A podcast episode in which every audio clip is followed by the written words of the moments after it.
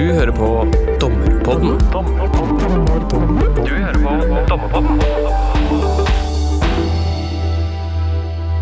De fleste vil være enig i at ytringsfrihet er en bra ting. Og jeg tror de fleste også vil være enig i at det ikke betyr at man straffritt skal kunne si hva man vil. Men når det kommer til hvor grensa skal gå, akkurat hvor langt ytringsfriheten bør rekke, så tror jeg nok det både vil være delte og sterke meninger. Et tema som opp igjennom har utmerka seg som eh, særlig vanskelig, eh, i en ytringsfrihetskontekst iallfall, er forbudet mot hatefulle ytringer, eller det som vi populært kaller rasismeparagrafen. Mange av våre lyttere, tror jeg, vil eh, kanskje huske Høyesteretts plenumavgjørelse i Hvit valgallianse-saken, der lederen for det politiske partiet under dissens ble dømt til fengselsstraff for å ha distribuert partiprogrammet sitt. Også noen andre eh, viktige høyesterettsdommer, eh, som er løpeseddeldommen fra 80-tallet og Vigrid-avgjørelsen fra 2007. Men det som er felles for de si, klassiske avgjørelsene, er at det gjelder ytringer som er distribuert på papir. Og i dag er det annerledes. I dag er offentligheten i stor grad digitalisert. Vi deler og henter informasjon fra internett og fra sosiale medier, sånn at både måten vi kommuniserer på, og hvem som har tilgang til offentligheten, har endra seg ganske dramatisk. Mitt inntrykk er at det har gjort spørsmålet om straff for hatefulle ytringer mer aktuelt for oss i domstolene. Eh, jeg ser i Oslo tingrett at eh, det stadig går straffesaker om rasismeparagrafen, eh, ofte mange i, uka. Det kan vel ha sammenheng dels med at dette kanskje er blitt mer aktuelt, men også med at Riksadvokaten har uttalt at det er en type saker som skal prioriteres. Som sagt så, så byr de sakene på noen vanskelige grensedragninger, og nå har Høyesterett avsagt to dommer om ytringer på, eller hatefulle ytringer på Facebook. De kom 29.1.2020, som, som da hjelper oss litt på vei. Temaet eh, for dagens episode, som de fleste antagelig har skjønt, er hatefulle ytringer. Og en som kan eh, mye om det temaet, er eh, Erlend Andreas Methi. Han er jurist, fagdirektør ved Norges institusjon for menneskerettigheter der han bl.a. har ansvar for eh, fagområdet ytringsfrihet. Velkommen hit, eh, Erlend. Tusen takk for det. Vi har fått med oss eh, sjefen i nå, Erlend, direktøren for det hele. Adele Matheson Mestad har ledet NIM, som det heter blant kjennerne, siden 2018. Før det var hun assisterende direktør, og har det som i denne sammenheng kanskje er en mørk fortid som advokat for regjeringsadvokaten. Velkommen hit, Adele. Tusen takk. Hyggelig å være her. Uh, ok, uh, kanskje dere kan begynne med å bare fortelle litt om, om uh, NIM, for de som ikke kjenner den institusjonen. Ja, NIM har jo da som oppgave, dette står i loven vår, å fremme og beskytte menneskerettighetene. Intet mindre enn det. Det er da en institusjon som FN mener at alle stater skal ha for å sikre bedre nasjonal implementering av menneskerettslige krav og normer. Så en hovedoppgave for oss er jo å vurdere all ny lovgivning og se hvordan den stiller seg i forhold til menneskerettslige krav. Eh, men i tillegg så har vi ulike andre oppgaver, som f.eks. at vi skal spre informasjon om menneskerettigheter, samarbeide med ulike aktører nasjonalt og internasjonalt, bidra til forskning eh, osv. Eh, når det gjelder akkurat dette med ytringsfrihetsfeltet, så er jo det et rettsområde som veldig ofte dukker opp i offentligheten, for det første. Og så er det jo også en god del rettsutvikling på dette feltet nå som følge av uh, den teknologiske utviklingen som du var litt uh, inne på. Um, og jeg er jo da også så heldig at jeg får sitte i nye, den nye ytringsfrihetskommisjonen, som bl.a. skal se på noen av disse spørsmålene. Så dette er noe vi befatter oss ganske mye med, vil jeg si. Nettopp. Um Ålreit, vi, vi, må jo snakke litt om rettsreglene, siden det er det som er mandatet her. Og, og i dag så snakker vi om straffelovens 185. Uh, som eh, setter straff for diskriminerende eller hatefulle ytringer. Og, og hva, hva, slags ytringer er det vi snakker om da? Ja øh, jeg, jeg, tror man skal rykke tilbake og først stille seg hva slags bestemmelse er dette egentlig? Uh, og hvorfor har vi den bestemmelsen? Den bestemmelsen verner jo da uh, mot ytringer mot særlige Altså mot individer som har en spesiell gruppetilhørighet. Altså Um, og det handler jo egentlig uh, om at man skal beskytte dem mot det hatet som kan oppstå uh, mot de gruppene som følge av enkelte hatefulle ytringer. Det er egentlig ikke beskyttelsen av enkeltindividene det handler om. Det handler om beskyttelsen av samfunnets reaksjoner mot de gruppene. Um, og det uh, er ganske viktig tror jeg, for å forstå den bestemmelsen, for den reflekterer liksom hele menneskerettighetstenkingen også om at man må ha et mindretallsvern også i et eh, flertallsdemokrati. ikke sant? Ehm, men eh, Så det eh, den beskytter mot, er jo da grovt krenkende ytringer som rammer disse gruppene. Eh, og det må da alltid avveies opp mot ytringsfrihetsvernet. Sånn at hvis man f.eks. ser for seg at det er veldig politiske ytringer, så vil jo det være kjernen for hva ytringsfriheten bestemmer. Det skal ganske mye til at man vil straffe den type ytringer. Mens hvis man ser for seg at det er rent sånn sjikanøse ytringer, så vil det ha et veldig begrenset eh, vern om noe etter Grunnlovens paragraf 100. Uh, samtidig som Høyesterett jo har sagt uh, eksplisitt at det skal være et forholdsvis stort rom for usmakelige ytringer også. Og det reflekterer jo litt det som Den europeiske menneskerettighetsdomstolen stadig sier når de snakker om dette i relasjon til EMK artikkel 10, at ytringsfriheten den beskytter jo ikke bare ytringer som man liker, eller som er bra eller hyggelige. Den beskytter også ytringer som er egnet til å shock, disturb or offend. Og det er ganske Altså veldig, veldig plagsomme og alvorlige ytringer skal kunne det være rom for da i et eh, moderne demokrati. Mm. Ja, ikke sant? Og det, det er et uh, viktig poeng. det at Til forskjell fra mange av de andre grensene man har for ytringsfriheten i straffeloven, ikke sant? trusler er jo åpenbart ulovlig, det skjønner jo folk, så står da straffelovens 185 i eh, kapitlet om eh, vern av den offentlige ro, orden eh, og sikkerhet, altså straffelovens kapittel 20, til forskjell da fra de andre som står i kapittel 24 om vern av personlig frihet og fred. Og det er jo da òg illustrerende for det Adele sier om at det er dette gruppevernperspektivet som er, er helt sentralt for bestemmelsen. Og det belyses jo også at denne bestemmelsen her, den har jo dette offentlighetsvilkåret, eller i andre snerve riktignok, sånn at den rammer jo ikke da hvis jeg kommer med en hatefull ytring og sender den til deg på SMS, eller siden den til deg face to face hvis ingen andre hører på, som jo ofte kan være vel så ille å motta, for da har jo noen liksom singla deg ut for ei melding. Eh, men det er da ikke det denne bestemmelsen her rammer. Den rammer på en måte at man ikke skal få denne dehumaniseringa av gruppa. Eh, og det er jo da andre verdenskrig, jødeforfølgelser, som er bakteppet her. Og den kom jo inn da med at Norge mm, ratifiserte FNs rasediskrimineringskonvensjon eh, i sin tid. Og så har den jo blitt delvis da utvida etter hvert til å inkludere en, del andre grupper. Eh, så i dag så verna den jo da mm, gruppene Skal vi se, nå må jeg bare finne bestemmelsen her så jeg treffer riktig. Altså det gruppa er enten hudfarge uh, eller etnisk opprinnelse, religion eller livssyn, uh, seksuell orientering, eller som står i loven, homofil orientering, og nedsatt funksjonsevne er liksom de fire gruppene. Og da er jo f.eks. kjønn er jo da ei gruppe som ikke er inntatt per i dag, men der det har vært diskusjoner da om man skal inkludere kjønn, da, som følge av særlig dette kvinnehatet, som jo gjerne får sitt utløp på internett, ikke sant, men som i dag da ikke vil være straffbart eh, etter denne bestemmelsen her. Men det vil jo selvfølgelig under tiden være straffbart etter andre bestemmelser, sånn som hensynsløs atferd, eller ofte er det jo trusler det er snakk om. Eh, og der var det jo et forslag da på høring, eh, eller i hvert fall om det skulle være noe som skulle inntas, og det, det kan man jo da ha litt ulike meninger om, for som man sa tidligere i forarbeidene, forrige endring av bestemmelsen, at et vern for alle, det blir jo da fort et vern for ingen, ikke sant? Eh, og det er jo også en sånn rettesnor å ha med seg når det, når det kommer til den bestemmelsen. Nettopp. Men for Altså, vi, vi, kan ta dette med offentlig, da, som du var så vidt inne på, Erlend. Altså at uh, det er ikke straffbart hvis du sender meg kvalifisert krenkende ytringer. Um, men hva, hva, betyr det? Altså Disse ytringene må, må fremsettes offentlig. Hva, hva, skal til for at, eh, for at en ytring er offentlig? Uh, ja, nei, Ifølge forarbeidene så sier vel noe av alle at det, det, må være egnet til å nå mer enn 20-30 personer, eller, eller, noe i, i den duren, da. Så det er ikke så veldig offentlig? Uh, nei, nei det, det, er jo ikke superoffentlig, ikke sant? Og, og, det blir jo berørt så vidt i disse høyesterettsdommene, der det er snakk om Facebook-grupper med liksom 15 000 uh, eller noe i den duren, og der er det jo åpenbart og ikke omtvista, ikke sant?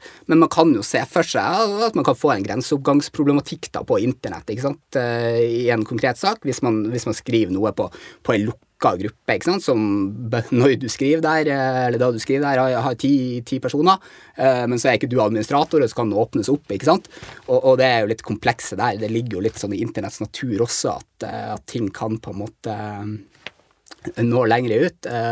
Så, så der, der, der, er den Ja, der er det litt sånn juridisk sprengstoff da, en gang i framtida, om man vil. Og der kommer jo det veldig på spissen også, det der med intensjon, ikke sant. Eh, eller um, det som vi snakket om i stad, den der tilgangen til offentligheten som man plutselig gir. Altså at veldig mange ytringer blir offentlige. Som kanskje ikke nødvendigvis avsenderen tenker over. Jeg tror, ikke, jeg tror veldig mange ikke tenker over at når du skriver noe på Facebook, at du ytrer deg offentlig altså det, Den refleksjonen tror jeg veldig mange ikke gjør, rett og slett.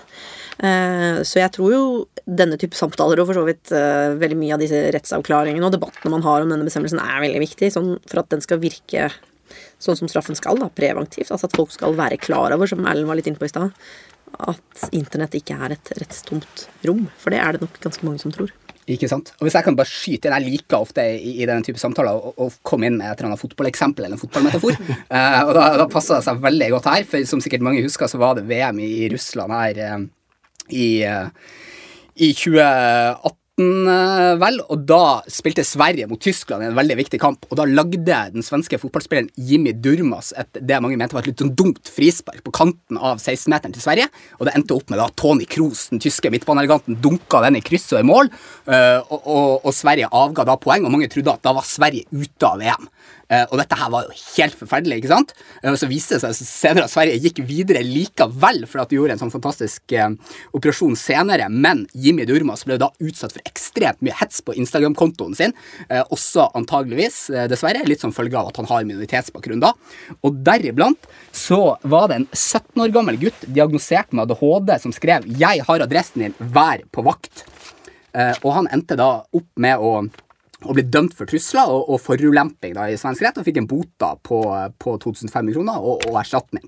Eh, og han forklarte at han forsøkte å være morsom, men konstaterte da i retten at det nådde han ikke framme. Og han hadde angra seg etter ei stund da han skrev det. Allerede etter 15 minutter så hadde han sletta denne kommentaren. Men noen hadde tatt en skjermdump av den og sendt den til Jimmy Durmas likevel. Og så endte det da opp med vet ikke helt hva som var tanken bak, men like fullt. ikke sant? Du angra deg. 15 minutter. Bam! Det var der ute. Og, og du fikk liksom ikke retta opp i det, da. Eh, og akkurat det å nå ut med det, den eh, Ja. Men det er vel noe dere sikkert opplever i domstolen òg, vil jeg tro. Altså at um, Folk som angrer seg. eh, Nei, ja, det er jo får vi jo innlede på, da, men også, også at, eh, at denne kunnskapen om dette, dette At disse tingene er straffbart. Det er vel en sånn YouTube-dom, er det ikke det, Erlend, hvor, hvor en eller annen er dømt for eh, hatefulle ytringer på ja, det er YouTube? ærekrenkelse. ja, er det. Ja, Så det er noe litt annet, da, men hvor han likevel liksom domstolen veldig pedagogisk i begynnelsen forklarer dette fordi de gjennom møtet med disse miljøene opplever at dette er ukjent, rett og slett. Eh, At disse tingene kan være straffbare. Det tror jeg er helt riktig, det. Altså mitt inntrykk. Ehm, jeg lurte for øvrig på hvor du, hvordan du skulle komme til eh, ytringsfrihet med den fotballhistorien. Jeg, jeg, jeg tror jeg fulgte deg til slutt.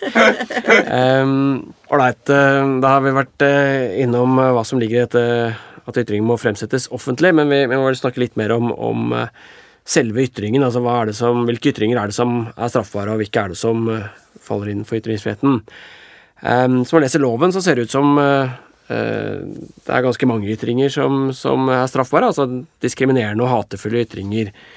Eh, så nevnte du, Adele, noe om at eh, de måtte være kvalifisert krenkende. Jeg vet ikke om en av dere kan eh, si litt om hva, hva er det som skal til? Hva er terskelen for, eh, for det straffbare her? Det er jo, jeg kan jo begynne å si litt, så kan Erlend bare supplere meg. Det er jo, som du sier, ikke sant, ordlyden er ganske vid her. Med diskriminerende eller hatefull ytring menes det å true, forhåne noen, fremme hat, forfølgelse eller ringakt. Og det er jo et ganske mm, åpne begrepet, for så vidt. Men så har jo da Høyesterett sagt at det er snakk om kvalifisert krenkende karakter. Eh, Det inkluderer da, sier Høyesterett, ytringer som oppfordrer eller gir tilslutning til integritetskrenkelser, og ikke minst, som er veldig viktig, de som innebærer en grov nedvurdering av en gruppes menneskeverd. Og Det illustrerer disse sakene som har vært oppe i Høyesterett nå veldig godt, hvor man f.eks. Eh, sammenligner eller sier at en person er et skadedyr, altså en kakerlakk f.eks., som jo innebærer et veldig eh, nedvurdering av en gruppes menneskeverd. Eh, og det er jo nettopp fordi denne innsnevrende fortolkningen eh, som Høyesterett her gjør, handler jo om ivaretagelsen av ytringsfriheten. Fordi den litt videre forståelsen man ellers kunne legge til grunn, hvis man bare leser ordlyden, den ville nok fort kommet på kant med det ytringsfrihetsvernet. Mm. Ikke sant? Eh, og da kan man jo gå videre til eh, noe annet som Høyesterett er innom ganske godt i disse dommene, som, som i hvert fall jeg personlig mener er ganske god og gir en ganske sånn god oppskrift på, på dette området og rundt den straffebestemmelsen, så det er ganske lesverdig i seg sjøl. Og, og, og, det de sier da i den ene av sakene, er at selv om en ytring er kvalifisert krenkende i, i seg sjøl, så vil det normalt ikke være straffbar der, dersom den må anses som et uttrykk for religionskritikk. da. Eh, og da gjør man da et skille på det å f.eks. Eh, kritisere en, en religion. Eh, tidligere var jo blasfemi straffbart i Norge, og veldig lenge var det jo også straffbart. Og en sovende bestemmelse, riktignok, men nå er det tatt ut, eh, så det er ikke straffbart. ikke sant? men dersom man liksom går til angrep på enkeltpersoner eller tilhengerne uh, grupper som tilhører den religionen, så stiller det seg i et, i et, annet lys. ikke sant? Så kan man se for seg at det kan uh, innebære vanskelige grenseoppganger der, uh, der man må liksom vurdere ikke sant, ytringsfrihet mot hvor krenkende det faktisk er. men sånn som situasjonen lå an i disse sakene, da, som Adele var til en viss grad innom, altså man snakker om jævla rotter, dra tilbake, ikke sant, steppe bavianer altså Det var religionskritikk eh, Forsvaret eh, virka ikke Høyesterett spesielt overbevist om i de sakene. Men et annet eksempel fra i fjor, eh, som jo vi også var litt involvert i NIM, var, var denne koranbrenningssaken, som sikkert mange husker, eh, der eh, denne, denne, gruppa Sian, som man jo kan mene mye om, eh, satte fyr på, eller ønska å sette fyr på den koranen i Kristiansand, var det vel på torget der, og ble stoppa av politiet ikke sant, idet de skulle gjøre det. og så var det litt sånn frem og tilbake, og det var noe instruks, og, og, og det ble i hvert fall gitt uttrykk for at man mente at dette her ville være et brudd på, på nettopp denne bestemmelsen, her, straffelovens paragraf 185. Eh, og etter vårt syn så, så var det nok neppe det. ikke sant? Eller det kan vel gå så langt som å si at det er ikke det å brenne en koran, selv om veldig mange vil oppleve det som ekstremt krenkende, at man brenner religiøs skrift. ikke sant?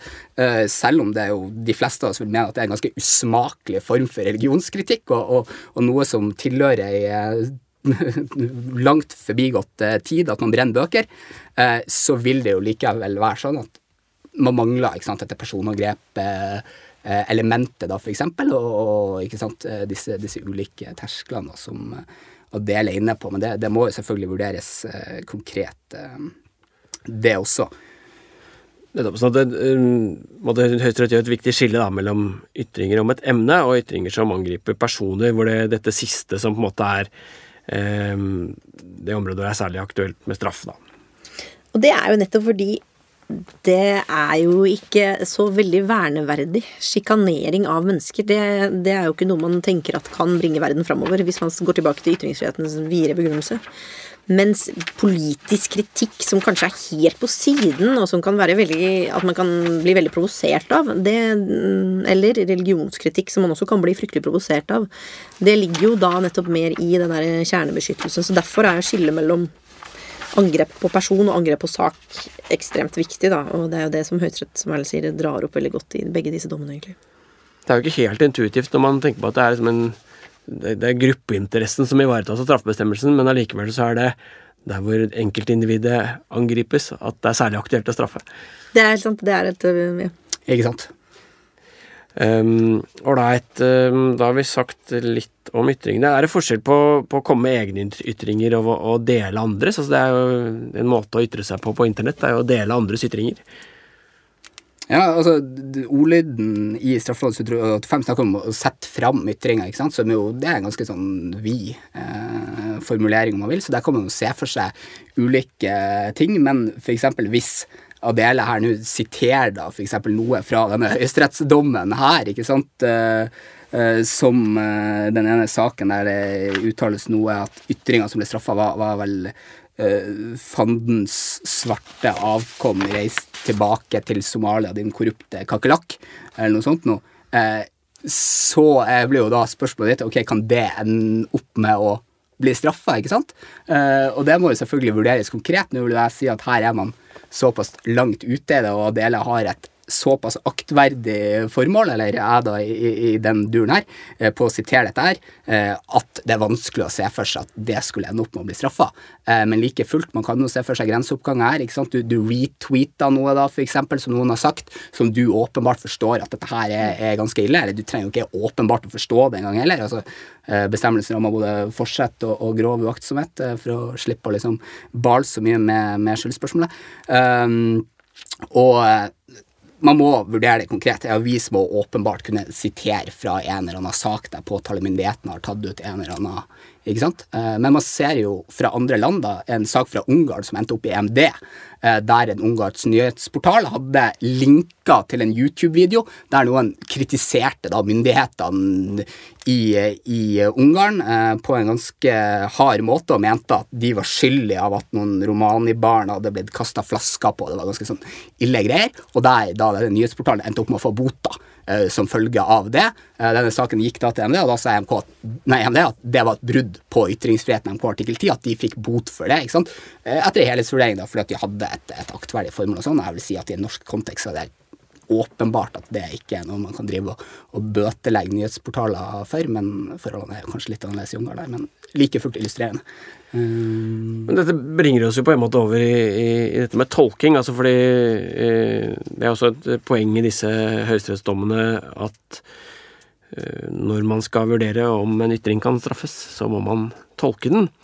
Så Jeg vet ikke om noen av dere kan si noe om hvordan, hvordan gjør vi den øvelsen. altså Jeg er jo helt enig i at hvis eh, du la dele sitere fra en høyesterettsdom og, og, og derved sier at noen er en kakerlakk, så er det ganske åpenbart at det, det ikke kan forstås som en hatefull ytring. men men går det an å si noe, øh, noe mer om tolkning, hvordan vi, hvordan vi tolker den konteksten?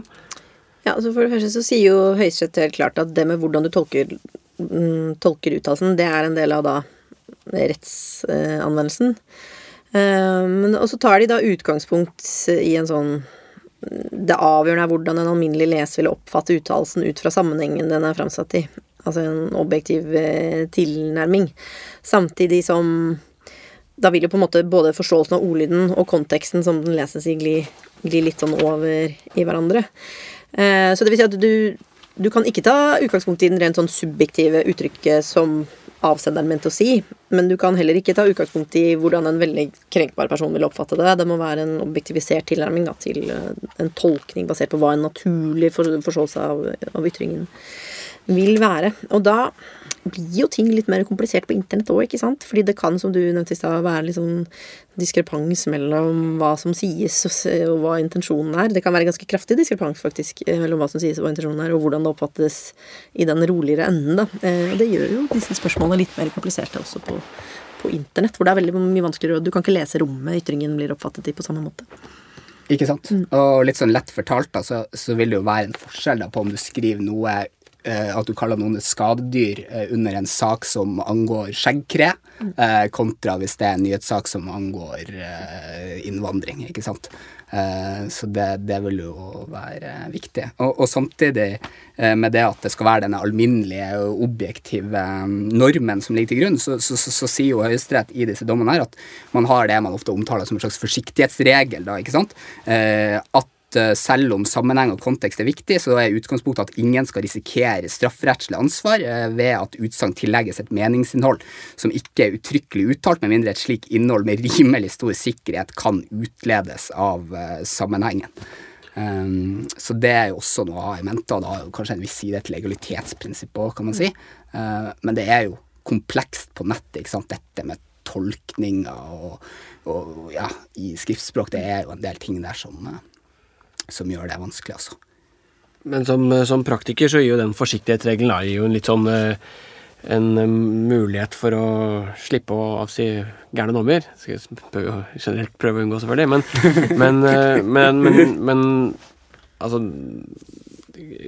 Ja, da, da, kan man Eller da skal man ikke eh, tolke til tiltaltes disfavør, da, i den, den grad det er noe usikkerhet. Um, selv om det er rettsanvendelse. Um, ok, um, helt kort bare Du var innom det så vidt, Erlend. Uh, Kravet til subjektiv skyld er fortsatt eller grov uaktsomhet. Hva Er det praktisk med å ytre seg grovt uaktsomt? Altså, hvordan, hva, hva er det man ser for seg her? Uh, nei, Hvis man leser forarbeidene, så forstår man det som mest praktisk begrunna, tror jeg, for å, å, slippe å bale for mye med å påvise da forsett. Uh, så, så jeg tenker at det nok er såpass enkelt, selv om man nok kan se for seg eksempler. Og det som er jo greit å, å vite i forlengelsen, er jo det at den bestemmelsen her krever jo ikke noe sånn motiv om at du ønsker å fremme hat. Eh, det kan jo være, ikke sant. Typisk forsvar er jo at du sa det på spøk, ikke sant, og at du er en fyr som ikke er rasistisk i det hele tatt, og den type ting. Og det, ser man jo f.eks. fra eh, den høyesterettsdommen, eh, en av de fra 2012 eller 2018 som heter dørvaktdommen eller vaktpotetdommen, der man sier at jeg kunne like gjerne kalt deg for jævla feiting, ikke sant, men det endte opp med jævla neger. Men det var bare tilfeldig, da, ikke sant. Og da ble man ikke hørt med det, nettopp fordi at det Adele var innom innledningsvis, denne dehumaniseringa av ei gruppe, den kan oppstå egentlig uavhengig av om du sa det som en spøk eller ikke. Hvis dette her er noe som får lov til å feste seg liksom, i språket vårt og, og, blant folks oppfatning, så kan det både spre hat liksom, uh, hos andre, som kan la seg la oss si, motivere av det, men samtidig hvordan opplever den gruppa det, ikke sant, hvis dette her er noe som er gjengs. Eh, alle andre eh, kan da bli skremt fra ikke sant, å, å delta i det offentlige ordskiftet. Eh, trekke seg tilbake, ønsker ikke å verv, og det er jo en del av den type ting da som man ønsker å komme til livs. Eh, med den normdannende effekten, da, for det, det, ser man jo med disse eh, altså trusler, for så vidt også, hatefulle ytringer etc. At eh, politikere, unge samfunnsdebattanter, sånn som den ene høyesterettssaken handler om, ønsker ikke å delta mer i ordskiftet, offentlig ordskifte, og man går glipp av ikke sant, eh, viktige stemmer, minoritetsstemmer, og det er jo et, et stort tap for eh, demokratiet. Og det er også noe Høyesterett peker svært godt på i den ene av disse dommene her, eh, når de vurderer straffespørsmålet. For da disse sakene her kom til Høyesterett, så tror jeg nok mange av de som på en måte var litt inne der, mente at ok, det er ikke så veldig tvilsomt at dette her er straffbart.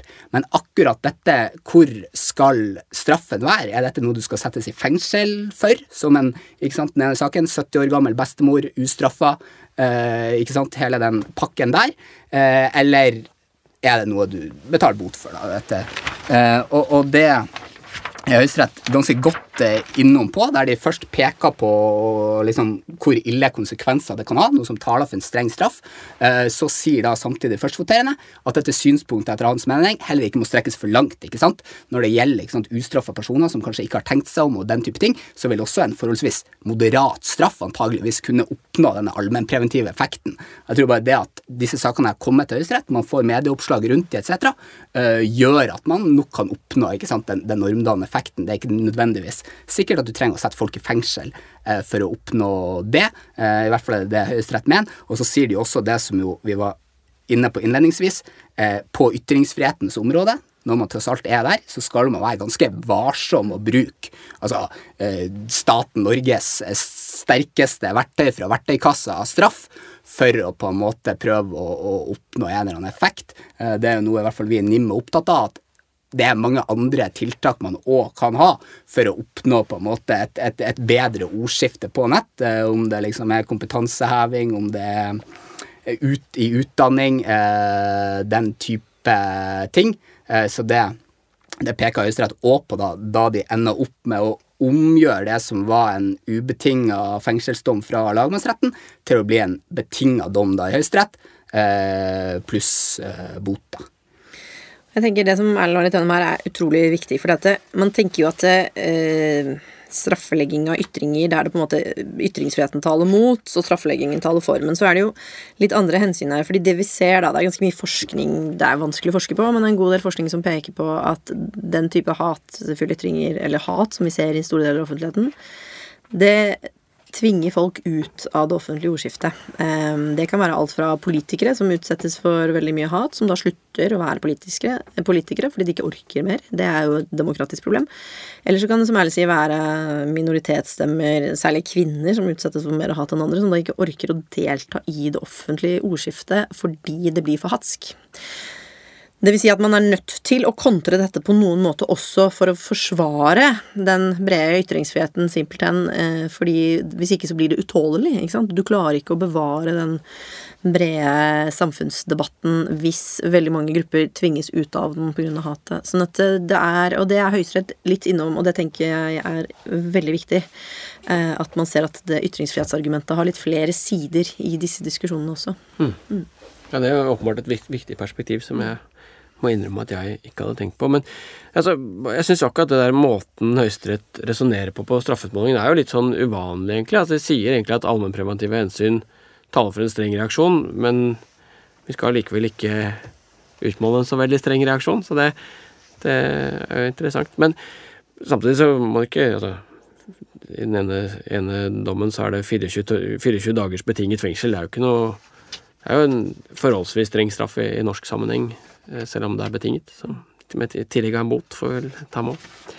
Og så er det jo veldig mange Det er jo det å si også om det at det er jo veldig mange som er kritiske til denne bestemmelsen. Det, jo, det kom jevnlig sånne opprop fra ulike akademikere osv. som mener at denne bestemmelsen er for vid, den rammer for vidt. eh, Det er liksom feilslått når man nå straffer en bestemor som har ytra seg på Facebook. Hva, liksom, hva skjedde med ytringsfriheten? Altså, så det, dette er komplekse um, diskusjoner um, hele veien. Um, ingenting som er enkelt med dette. Ålreit. Um, tiden går litt fra oss, eh, dere. Er det noe om hatefulle ytringer som vi absolutt må si før vi, før vi gir oss? Nei, jeg tror eh, dypest sett så viktigste måten å sikre et eh, godt debattklima på, er jo bare at flest mulig folk som ikke driver med dette, deltar i det offentlige ordskiftet. På den måten kan man jo best bidra til å utvanne dette. At ikke det får dominere, og det er alles ansvar. For hvis ikke så, så mister vi den gode offentligheten vår, så den må alle passe på. Dette handler ikke primært, tror jeg, om egentlig, selv om nå har vi jo på oss dommerhatten og dommerperspektivet, men, eh, men den brede, gode offentlige debatten, den må bare alle bidra til. Og det, det vil være alt fra å si fra i et kommentarfelt om at eh, dette er ikke greit, argumentere mot, komme med fakta, være konstruktive, eh, som at liksom ytringsfrihetens underliggende begrunnelser får, eh, får leve, da. Det var ikke vanskelig å være enig i. Godt sagt, Adele. Tusen takk, Ola. Får vi mm, også oppfordre til å lese disse høyesterettsdommene. Jeg må si eh, de er forbilledlig pedagogiske og gir en sånn fin oppskrift og utgangspunkt for å, for å gjøre gode vurderinger, tror jeg, i disse sakene. Så det, det anbefales herved. Og så tror jeg bare jeg takker eh, dere, Adele og Erlend, for at dere kom og prata med oss. Takk for at vi fikk komme. Ja, tusen takk. Det var veldig hyggelig. Mitt navn er eh, Ola Berg Lande, som eh, sammen med Ragnar Lindefjell og Runa Nordahl Hereid utgjør redaksjonen i Dommepodden. Vi høres. Du har hørt på Dommepodden. Dommepodden er en podkast fra Norges domstoler og er først og fremst ment som et kompetansetiltak for dommere. Hvis du har ris, ros, forslag til temaer eller folk vi kan prate med, så er vi glad for å høre fra deg, og da kan vi nås på podkast at domstol.no. Ha en god dømmende hverdag så lenge. Vi høres.